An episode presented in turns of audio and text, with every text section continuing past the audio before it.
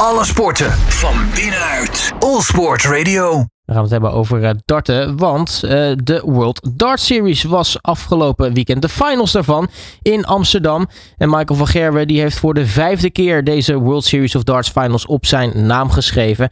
Voor eigen publiek in Amsterdam was hij in de finale veel te sterk voor Nathan Espinal. En dat was niet het enige, want uh, dat was een beetje de man van het toernooi. We gaan erover praten met niemand minder dan via Play-commentator Jacques Nieuwlaat. Jacques, hele goedemiddag. Goedemiddag. Want uh, ja, dit was wel het toernooi van Michael van Gerwen. Hè? Een negen darter in, in, in de halve finale. Bloedstollende partij tegen Luke Humphries. Uh, met 11-10 winnen. En dan uh, vervolgens in de finale met 11-4 over Espinol heen walsen. Ja, dat was een perfect scenario voor hem. Maar hij had er, moet ik eerlijk zeggen, in die halve finale echt uit kunnen liggen. Want Humphries kreeg matchdarts, volle hand zelfs. En normaal gesproken op dat niveau is het dan afgelopen. Maar ja, je ziet toch ook bij Humphries dat hij ook onder druk komt te staan. De druk van het kunnen winnen van Michael van Gerwen. En dat blijft toch een dingetje.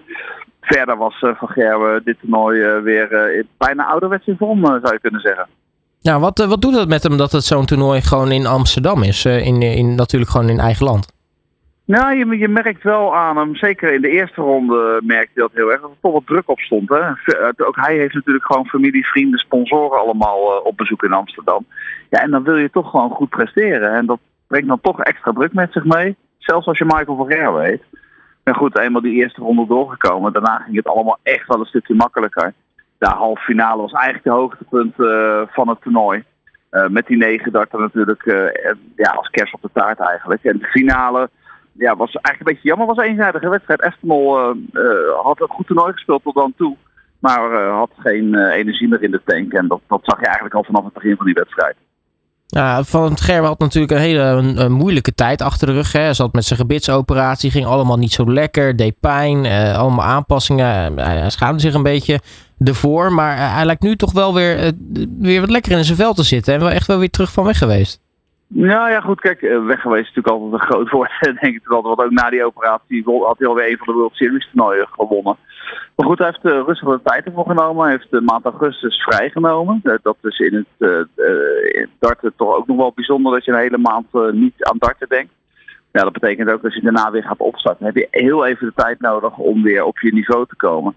Maar je ziet bij Van over het algemeen wel dat als hij zo'n rustperiode heeft ingelast, dat hij ook vrij snel daarna wel weer er is. En dat hij dan ook frister is. En dat zag je dit toernooi ook wel, vond ik. Had veel energie. Hij had er gewoon plezier in, dat zag je ook aan alles. Dus uh, ja, ik denk al met al een prima opmaat voor de rest van het jaar. En laten we eerlijk zijn, het, het, het, echte dartjaar begint nu pas. Dus als je in vorm wil zijn, dan is dit het moment van het jaar waarop je dat echt wil zijn. Ja, die finale was hij wel echt veel te sterk voor, voor Nathan Espinol. Um, kijk, een finale verlies is natuurlijk, is natuurlijk nooit lekker. Maar er met 11-4 afgaan is natuurlijk best wel een, grote score. Ja, nee, ja, goed. Espinol zei het zelf na afloop ook. Hij zegt, ik moet echt nog leren om dit soort toernooien te spelen. Op de laatste dag, op de zondag, moet hij in de middag een wedstrijd spelen. En dan s'avonds ook nog twee wedstrijden. Dat betekent drie keer je eigen opladen voor een nieuwe partij. Van Gerben die is daar een meester in. Maar ja, is natuurlijk ook al heel vaak gedaan. De laatste tien jaar uh, ervaring opgedaan daarin. Espinol is wat dat betreft nog relatief nieuw. Zowel de huidige World Matchplay kampioen. Dat is echt een van de grootste toernooien van het jaar. Die won die in juli. Maar het verschil tussen dat toernooi en dit toernooi is dat je op de World Matchplay maar één wedstrijd per dag speelt. En dat kan Espinol heel goed. Meerdere partijen op één dag, met name als er wat tijd tussen zit, daar, ja, dat moet hij gewoon nog leren. En dus is dit ook echt een leerproces voor hem. Hij speelde spinners goed. Uh, in de kwartfinale. In de halve finale had hij het al wat moeilijk. Die trok hij dan nog net over de finishlijn heen tegen Peter Wright. Ja, in de finale merk je eigenlijk al vanaf de eerste vier beurten van, nou, dit gaat het gewoon niet worden bij Espinol het zat gewoon niet scherp, zeg maar. En, en ja, dan is het tegen een speler als Van Gerwen ook niet te doen eigenlijk. Nou, nu was uh, Van Gerwen zeker natuurlijk niet de enige Nederlander tijdens het uh, toernooi. Uh, even een paar uitlichtend. allereerst Danny Noppert. Die was een beetje verbolgen over het publiek in, in Amsterdam. Ja, goed. hij speelde de eerste ronde tegen Dirk van Duivenbode. Dat deed hij uitstekend. Het was bij far de beste wedstrijd uit die eerste ronde. Die won Noppert. Um, en speelde hij in de tweede ronde tegen Nathan Espel. Die natuurlijk eigenlijk verwacht dat het hele publiek massaal achter hem zou staan. Ja, dat gebeurde niet. Het was een beetje, nou, ik wil niet zeggen 50-50. Uh, maar er waren toch ook wel flink wat fans van Nathan Espinol uh, naar de aanvals gekomen. Had ook wel te maken met het feit dat er best wel wat Engelsen over waren gekomen voor een weekendje Amsterdam. En die hadden dat gecombineerd met een, een middagje of een avondje darten. Ja, en, en die zaten dus ook in de zaal. Dus het was niet één oranje massa of één grote Danny Noppert fanclub.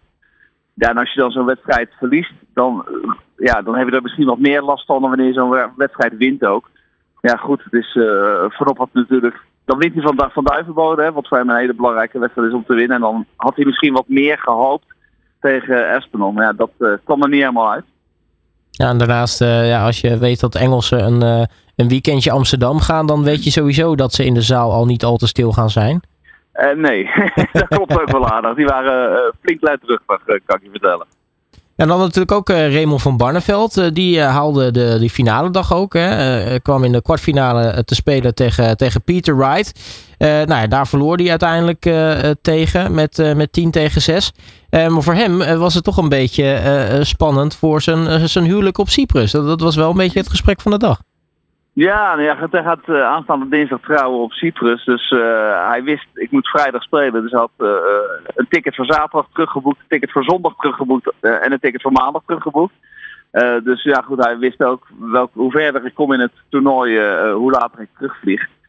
maar goed, daar gaat het natuurlijk wel over tijdens zo'n toernooi. Al een moeilijke eerste ronde, was ook gewoon niet goed wat hij liet zien. Maar hij won hem wel tegen de Canadees Jeff Smith. dus dat was op zich wel een, een lekkere overwinning. En zijn beste wedstrijd speelde hij tegen Michael Smith, de andere Smith, de wereldkampioen. Want die pakte hij in de, in de tweede ronde. Eh, dat was natuurlijk wel een mooie overwinning. Hij had een paar hele mooie finishes op hele belangrijke momenten.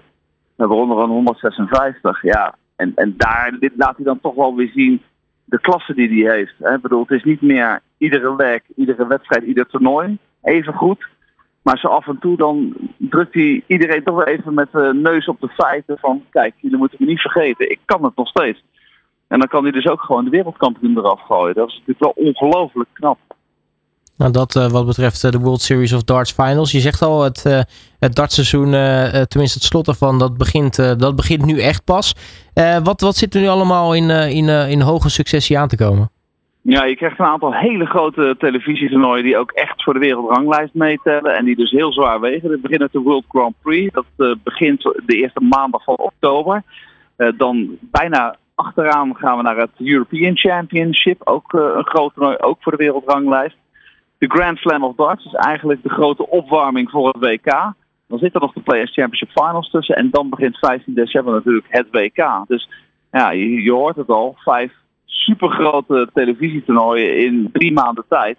Dus ja, iedereen die wil daar natuurlijk uh, zich laten zien. En, en uiteindelijk wil iedereen natuurlijk die laatste titel hebben, die wereldtitel.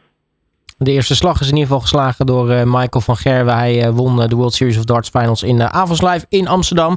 Jacques Nieuwlaat van Viaplay, dankjewel voor je tijd. En volgens mij moet ik tegen jou zeggen, fijne vakantie. ja, ik ben al op vakantie. ik ben vanmorgen vroeg al gevlogen. Dus ik ga een weekje vakantie houden. Lekker. Geniet ervan. Dankjewel. Alle sporten van binnenuit. All Sport Radio.